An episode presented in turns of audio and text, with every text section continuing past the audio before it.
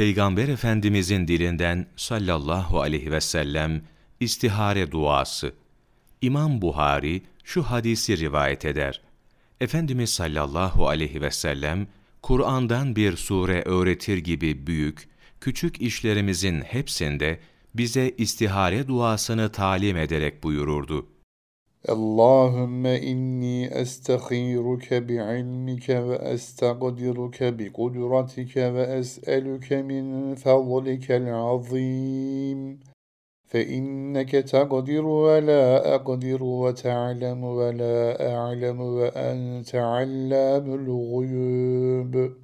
اللهم إن كنت تعلم أن هذا الأمر خير لي في ديني ومعاشي وعاقبة أمري.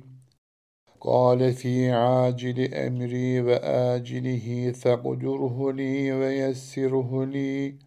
ثم بارك لي فيه وإن كنت تعلم أن هذا الأمر شر لي.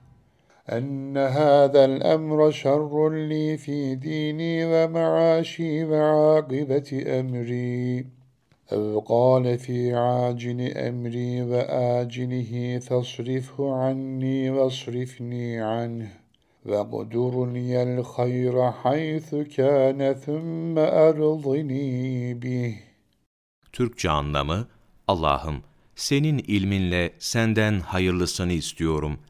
Kudretinden güç istiyorum, büyük faziletinden istiyorum.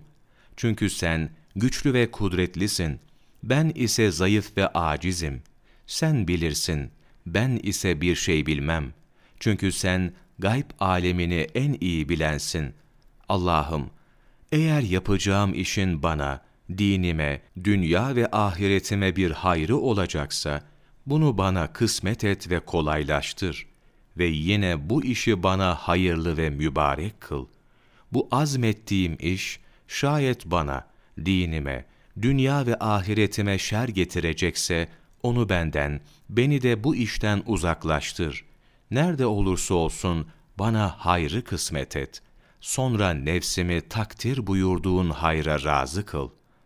Hazreti Cabir radıyallahu an demiştir ki, istihare eden kişi, duanın bu iş diye zikredilen her yerinde hacetini adıyla anar.